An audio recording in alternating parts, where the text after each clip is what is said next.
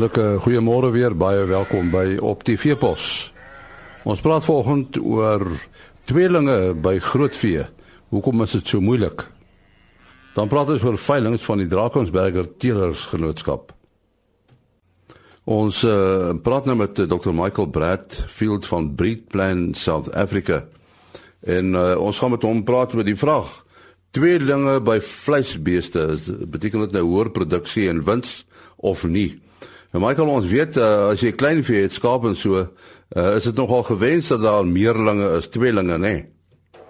Dis reg so, ja, en nie, dit is ook baie interessant en dat ek dink baie van die krediet kan gaan aan my ou kollega professor Gert uh, oor die jy weet uh weer professor Gert Erasmus wat ehm um, vir die bedryf gewys het dat terwyl vrugbaarheid laag oor erflik is, is dit ehm um, hoog herhaalbaar as jy kry familielyne van diere wat vrugbaar is en hy kan die kleinveebedryf uh bewys dat uh, jy kan 'n uh, uh, lam persentasie opstoot byvoorbeeld van 80% na 140%, 150% vir sommige van die kleinvee rasse deur om te selekteer van uh seleksie toe te pas in die familielyne en dit waar ons uh bewys het in die in die bedryf dat jy uh suksesvol vir tweelinge kan uh selekteer.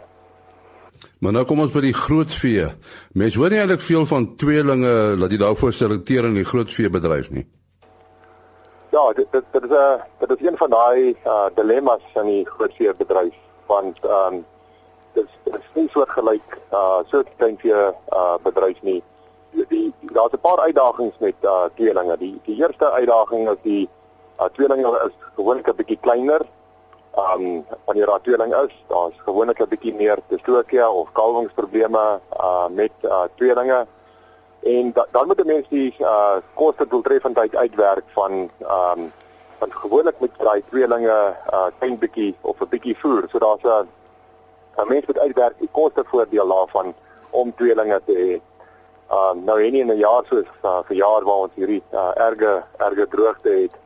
Um is ek eintlik baie jammer vir boere uh indien daar goeie is met uh tweelinge want uh hulle gaan baie baie sukkel. So uh um, die ouens steel nie eintlik vir tweelinge nie. Hulle kom maar net aan. Uh dit is dis uh eintlik 'n uh, soort van 'n proses wat van self plaasvind. Dit reg, dit is dit is 'n soortgelyke mense, jy weet, um dit is toevallig dat daar uh sekere en en tweelinge is omdat dit oor erflik is. Uh nou nie hoog oor erflik nie, maar daar is dit is oor erflik. Net soos in mense is daar uh, my pa self kom uit 'n tweeling uit. Is daar uh, so ek het 'n kans gehad om tweelinge te hê omdat die gene daar is. En soortgelyk in in vleisbeeste uh, is daar koeie wat uh, tweelinge tweelinge het. En omdat ons nie um, sterk daarvoor selekteer nie, um, word daar nie meer tweelinge gebore in die in die vleisbeeste uh, mark nie. Maar daar is as 'n argument in Europa byvoorbeeld in uh, Noord-Amerika of hulle nie moet kyk of hulle na tweelinge kan begin selekteer nie. Sal dit nie meer kosdoeltreffend wees om tweelinge te hê nie. Maar dan moet 'n mens se voedingsstatus so wees dat jy daai tweelinge kan onderhou en die die ekonomie kan dan uitwerk um, om tweelinge te besit maar dit is nie sommer iets wat ek uh, in Suid-Afrika sou promoveer onder ons droë toestande nie. Boere in die Wes-Kaap uh indien onrageplante weidings um kan uh tendense dophou om te kyk of hulle nie uh dalk na spelinge te kan beweeg soos ons meer kos van minder uh van minder uh, grond af wil produseer. Die die die hulpbron is maar beperk en kan ons nie dit maksimiseer nie. Maar maar die, ons die, ons wetenskaplikes is nog verdeel oor of dit regtig kos doeltreffend is Die die genetika ehm um, van tweelinge, verskil die genetika van identiese en gewone tweelinge? Ja, kyk daar's 'n uh, daar's 'n uh, baie groot verskil tussen identiese tweelinge en uh normale tweelinge, om dit so te stel. Identiese tweelinge is glad nie uh geneties oorerfbaar nie. Dit is waar die die embrio uh, letterlik in twee verdeel binne die baarmoeder en dan het jy uh identiese tweelinge terwyl die ander vorm van uh tweelinge fraternal soos die Engelsman sê, um daai tweelinge uh is wanneer die tweelinge nie identies is nie. En uh dit is die komponent wat uh oor erflik wat uh oor erflik is wat 'n mens kan gebruik om vorentoe te gaan. So identiese tweelinge is iets uh, heeltemal anders. Vir ons wetenskaplikes is uh, genetiese tweelinge baie interessant want ehm um, dit beteken die gene is 100% uh dieselfde. Ehm um, maar maar dit is ehm um, dit is 'n uh, ander vorm van tweelinge as normale tweelinge. Uh die ding wat hulle noem embrio splitsing. Dit is een van die metodes om identiese tweelinge kunsmatig te skep. Uh hoe werk dit presies? Dit is presies reg. So so wat gebeur met ehm uh, met uh, daai vorm van van uh tweelinge kyk uh, selfs in daai vorm van die uh, tweelinge is hulle nie identiese tweelinge nie. Hulle hulle gebruik KI van 'n van 'n uh, bil. Hulle hulle ehm um, KI die hulle KI die uh goeie hulle ehm um, in 'n uh, laboratorium en hulle bevrug elke liewe hulle bevrug elke liewe uh embrio. Die die enigste ding wat uh, wel identies is is wanneer hulle kloning wanneer hulle kloning doen. Dit, dit is wanneer 'n mens uh, identiese tweelinge het. Ja, ons sê baie dankie aan Dr. Michael Bradfield. Hy is van Breedplan South Africa. Nou ons uh, gaan nou gesels met uh, Michiel Blom. Uh, Michiel is 'n uh, 'n Drakensberger boer en ons wil 'n bietjie praat oor die suksesse van Drakensberger veilinge die afgelope jaar. Uh Michiel, hoeveel veilinge is vanjaar onder die beskerming van julle beesteelersgenootskap gehou? Nie daar is 16 veilinge gedurende 2015 onder beskerming van die genootskap aangebied. En wat is die hoogste prys wat vir 'n bil behaal is en vir 'n koei? Die hoogste prys vir 'n bil 234 000 vir Koper Newman Broers en die Koper Kronje boerdery by Vrede. En die gemiddelde prys uh, wat teelers so deur die jaar behaal het? Gemiddelde prys op die bulle met beskerming 31531 rand. En en as jy mens al die diere bymekaar tel, hoeveel diere in totaal is uh, op die veiling verkoop? Die koeie wat verkoop is met 'n gemiddelde prys van 20000 en die verse se gemiddelde prys is 15200 daar is 350 bulle aangebied met 250 verkoop.